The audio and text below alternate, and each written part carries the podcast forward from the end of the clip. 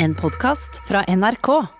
Vi skal tilbake til denne kulturdebatten som har rast rundt omkring i sommer. Ledelsen i Forfatterforeningen bør vurdere om de fortsatt har tillit hos medlemmene sine. Det sier Erik Fossnes Hansen, forfatteren.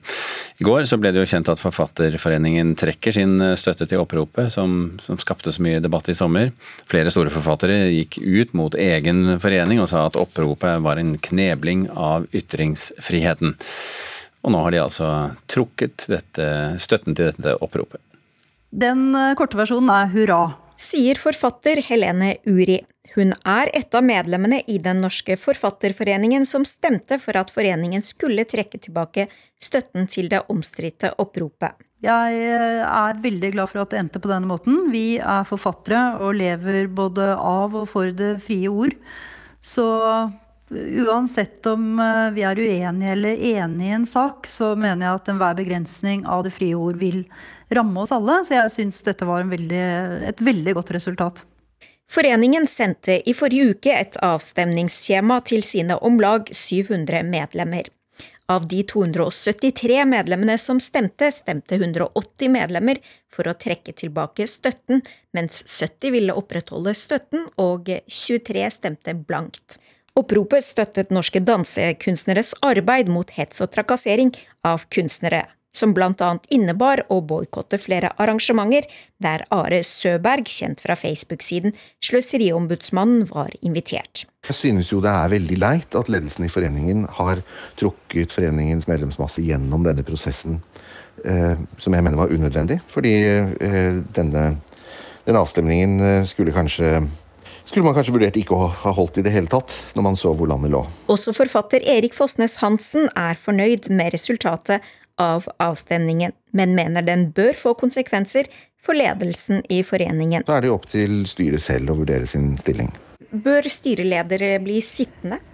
Nei, altså Nå har styret bedt om medlemmenes mening. De har fått resultatet. De trekker forslaget. Det syns jeg er ryddig. Jeg syns det er demokratisk. Eh, og Så får de jo heller sove på hva de vil gjøre verv med vervene sine. Jeg er glad for at styret la til rette for medlemsdemokratiet og ønska å høre hver stemme. Og nå er avstemningen gjennomført og viser eh, at eh, det er et stort flertall for å trekke oppropet sier leder i Den norske forfatterforening, Heidi Marie Krisnik. Etter at resultatet for avstemningen ble klart, trakk Håvard Syvertsen seg fra styret i Den norske forfatterforening. Men leder Heidi Marie Krisnik har ikke planer om å trekke seg med det første. Hvorvidt jeg har tillit til medlemsmassen, det er det ikke opp til meg å avgjøre.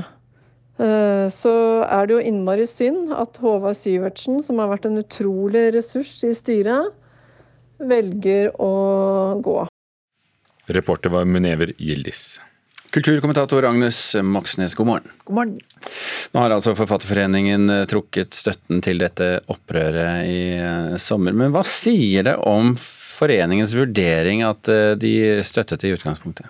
De burde jo kanskje brukt dette eh, medlemsdemokratiet sitt før de sendte ut oppropet. Burde sett at dette var en så kontroversiell sak. Eh, visst var det ferie, men det hadde nok helt opplagt vært en, en god ting.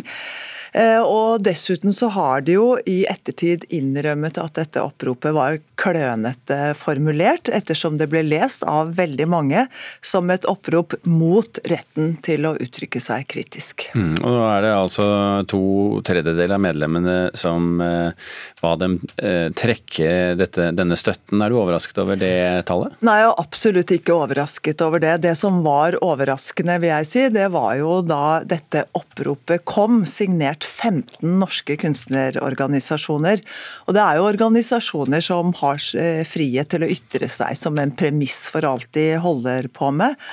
Eh, og Det var jo veldig mange som reagerte spontant negativt. altså Roy Jacobsen, som har vært medlem av Forfatterforeningen i, i flere tiår, han meldte seg ut. og På det tidspunktet så kunne jo også Den norske forfatterforeningen valgt å trekke dette oppropet sitt. Eh, det gjorde de ikke, så det måtte altså et motforslag til, signert eh, noen store eller viktige norske forfattere som Vigdis Hjorth, Lars Saabye Christensen, Ingvar Ambjørnsen og som vi hørte her, Erik Fosnes Hansen og Helene Uri. Og det var dette forslaget som ble sendt ut til avstemning blant medlemmene i Forfatterforeningen. Resultatet kom i går.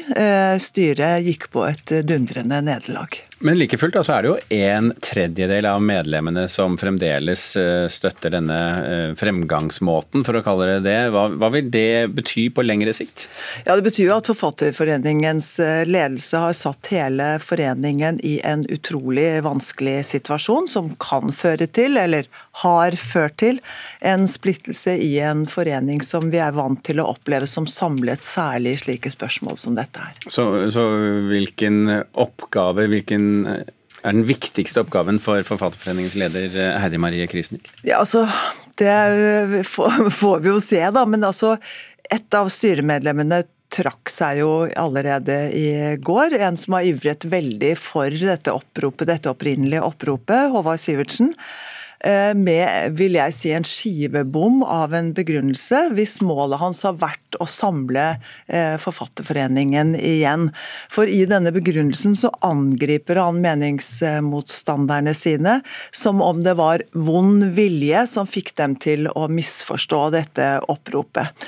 Eh, så etter hvert da, så får vi jo se hvilken betydning dette får for posisjon, altså posisjonen da, til Forfatterforeningens leder Heide Marie Kristnik. Men Hvis vi skal ta et par skritt tilbake, Agnes. Eh, hva, hva, vil du si at denne eh, saken um, Hva sier den om definisjonen av begrepet ytringsfrihet? Ja, Det sier jo definitivt at eh, begrepet er langt mer enn et eh, festord.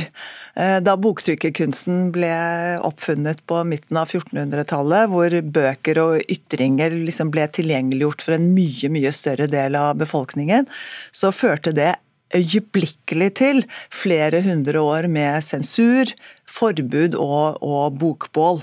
Um, og eh, nå vi jo, fikk vi en ytringsfrihetskommisjon som ble nedsatt av regjeringen for halvannet år siden. Oppgaven deres er å se på ytringsfrihet i en internettid hvor tilgangen til ulike og ofte ubehagelige meninger er blitt enda større og videre.